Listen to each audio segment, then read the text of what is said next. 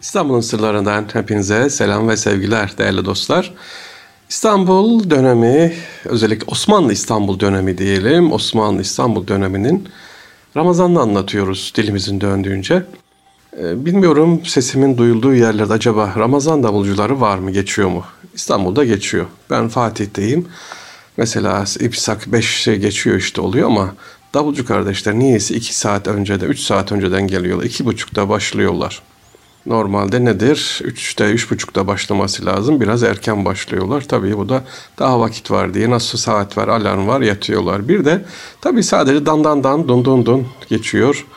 E, bu konuda daha önce bir ciddiyet vardı. Daha önce belediyeler önem veriyordu ama bu sene sanırım o önem kalktı. Sadece böyle motorun arkasına binip ya da yürüyerek çat çat çat teneke çalar gibi gidiliyor. İşte bu çok yasaktı Osmanlı'da. Ramazan davulcusu da bir öneme haiz. Öyle herkes eline davul alıp gidemez. E, belli bir eğitimden geçecek. Hele hele davulu kim çalar? Mutlaka, mutlaka mahalle bekçileri. Mahalle bekçileri yoksa yine onun kontrolünde ehli olan birisi çalar. Davul çalmak öyle e, dandunu dandun değil sevgiliciler. Mutlaka manisi de olacak ve sokağı iyi bilecek. Sokakta kimin hastası var, kim evinde yaşlı var, buna göre davul çalar. Öyle kafasına göre nasıl bana ne kalsın gitsin diye değil. Ve dediğim gibi Ramazan'da sahurda belli saati vardır. İnsanların hazırlanacağı vakitleri bilir, evleri bilir, haneleri bilir. Lamba yanana kadar ne yapar? Orada durur. Biz bugünkü bizile basmaz. Çünkü nezaket vardır. Ya da orada biraz daha davulu tokmaklamaz dandan kalksana diye. Neyle? Manisiyle manisiyle. Evet Ramazan'da Osmanlı Ramazan'ında maniler ne yapıyor? Çok önemli. Yiyecekler var mesela. Bakın bugün size Osmanlı döneminde bekçilerin okuduğu böyle hem davul çalıp hem de bir e, edebiyat, bir mesaj verilen neler var, mesajlar var. Onlardan okumak istiyorum sevgili dinleyiciler. Ye kebabı biberlice, iç şerbeti amberlice, ehli keyfe sefa verir, tel kadayıfı şekerlice. Efendim. Güzel değil mi? Sizi böyle yapıyor. Ondan sonra dan dan dan diyor. Bilgi veriyor. Kaldırıyor sizi. Cümlesinin başı ekmek. Garip yiğit harcı keşkek. Yağlı lokum samsa börek. İftar vakti yenir tek tek. Bu da e, o gün size ne yemek pişireceğinizi söylüyor evin hanımına. Bakın yemek tarifi de veren mani var. Cümlesinin başı ekmek. Garip yiğit harcı keşkek. Yağlı lokum samsa börek. İftar vakti yenir tek tek. Ee, mesela Osmanlı döneminde Rıvanilerden birkaç tane daha. Yufka bağrın ezdi bekçi. Dünyasından bezdi bekçi. Ramazan'ın zahiresin ilkbaharda üzdü bekçi. Bir de tatlılarımız var. 150 bin güllaç almış. Harcı hele pek çoğalmış. Nohut, börülce, mercimek 300 kilo kadar olmuş. Bu da ahşiş. Ne yapıyor verdiği mesajda? Bahşiş istiyor. Beş on türlü reçeli var, ekşili çorbayla mumbar, bekmez şerbeti eylemiş, içine koymuş haylikar. Ne sağa ne sola bacar, ekmekle yahniyi yapar, baklava ile böreğin sekizini birden tıkar diyor efendim. Yedi verenin koru, sözümün budur doğru, Amasya'da nazik olur, bir yere tilki kuyruğu. Balıkta var, balık uskumru gerçi muteber, gayet leziz olur lüfer. İstavrit ile ispari bir balık var, adı dülger.'' E, o dönem tabi İstanbul'da balıklar vardı. E, saldım fırına kuzu, hem çokça komuşlar tuzu, ben bir lokma alamadım, yedi, hiç kalmadı tozu. Ayvanın da rengi sarı, zerdali yanürü bari, koca yemişi pirlere met edelim tatlı narı. Son bir tane daha okuyayım efendim. Baklavasız mani olmaz. Derde devadır baklava, cana sefadır baklava. Yiyemedim anı doyunca, ibretü nümadır baklava diyor sevgiliciler. Tabi e, maniler size hatırlatıyor Ramazan'ın 15'i olduğunu, kaçı olduğunu yani her güne de bir mani var. E, o dönemde Osmanlı dönemi İstanbul'da. Bayram yaklaşıyor mu? Bayram hazırlıkları. Tabi bayram yaklaşıyor. Bayram hazırlıklarında ne lazım? E, bahşişler de hazırlanması lazım. Aman bahşiş unutma.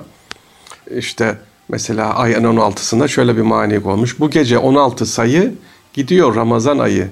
Yeniçeri padişahtan aldı bugün baklavayı.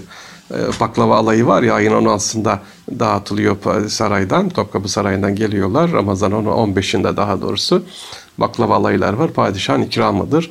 Her bölüye bir koca büyük tepsiler. Her tepside yaklaşık 5 kiloluk baklavalarda e, askere Yeni İstanbul Yeniçerilere dağıtılıyordu baklava alayı. Halk da gidip bunu seyrediyordu. Onu söylüyor sevgiliciler. Bunlar bir kültür. Bunları niye anlatıyorum sevgiliciler? E, bir kültür ama şimdi günümüzde e, bunun yok. Sadece tarihlerde deniyoruz. Ah eski İstanbul, ah eski Ramazan diyoruz. E, sevgili kardeşim neden eski Ramazanlar olsun ki? Bu Ramazanımız da güzel. Geçen seneki Ramazanımız nasıldı? Kötü müydü?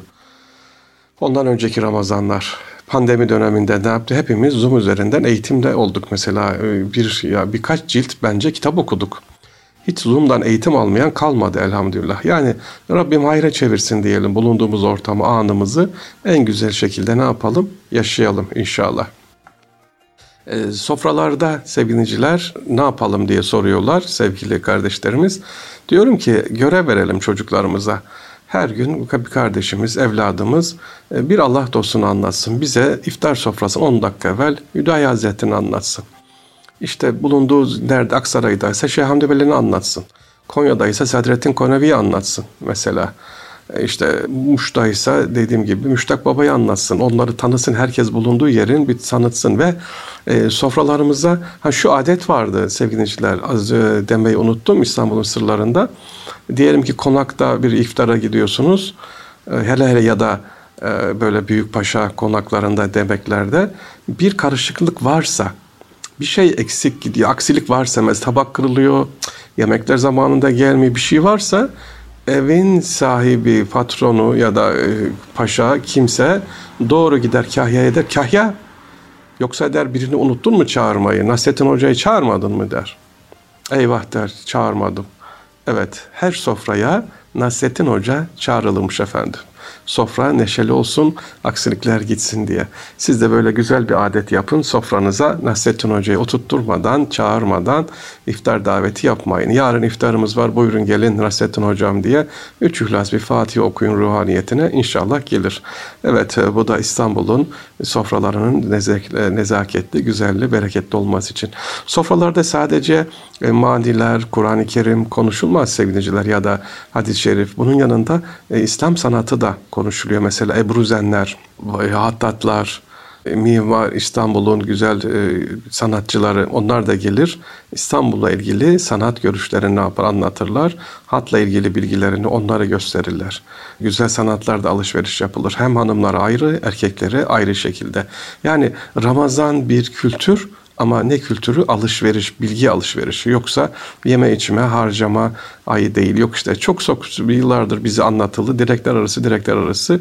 Ya direkler arası sevgiliciler sonradan 1800'ler, 1900'e doğru daha çok Şehzade başında olan bir eğlence tiyatronun çıktığı yer işte e, yavaş yavaş tiyatro çoğalmaya başladı artmaya başladı insanlar gidiyordu güzel bu da bir eğitim ama tek başına Ramazan eşitli direkler arası diyemeyiz o da içinde vardır yok saymıyoruz. E, yine Hacivat Karagöz var. Ramazan'da tabii ki var. Ramazan'da orta oyunu var. Keşke olsa. Ah en büyük üzüntüm de bu. E, yani Ramazan kültüründe kaybolan üzüntüm. Ramazan'da ne üzülüyorsun dersen kültürü kaybolan maniler kayboldu. Huzur dersleri yapılmıyor. Keşke e, böyle iftarlarda ne bileyim huzur dersleri yapılsa, çıkalsa, anlatılsa ee, orada alimler konuşsalar 15 e, dakika 20 dakika işte.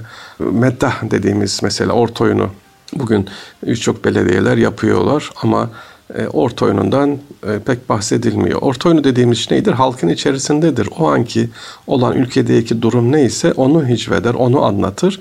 Güldü mizahi bir şekilde ama bilgilendirici olarak. Hak dostum hak diye başlar efendim. Sürçülisan etsikse affolak diyerek bitirir. 45 dakika sizi bilgilendirir. Ondan sonra şairler atışması dediğim gibi kahvelerde gelir ama kahve dediğimiz bugünkü sigaran içildiği kahveler değil aman Allah muhafaza e, kıraathaneler, çay içilir, kahveler gelir sevgiliciler ve orada kitaplar konuşulur. İnşallah vaktimiz olursa İstanbul kıraathanelerini anlatmak isterim. Özellikle en meşhurlarından Marmara Kıraathanesi ki bir akademi, bir okul diyebiliriz. Birçok insan oradan yetişmiş sevgiliciler o kıraathanelerde. E, Yusuf Kaplan hocamızın e, bununla ilgili güzel yazısı var. Rahmetli Nevzat Yalçıntaş hocamızın dar ilgili çalışması var oradan yetişen insanlardan.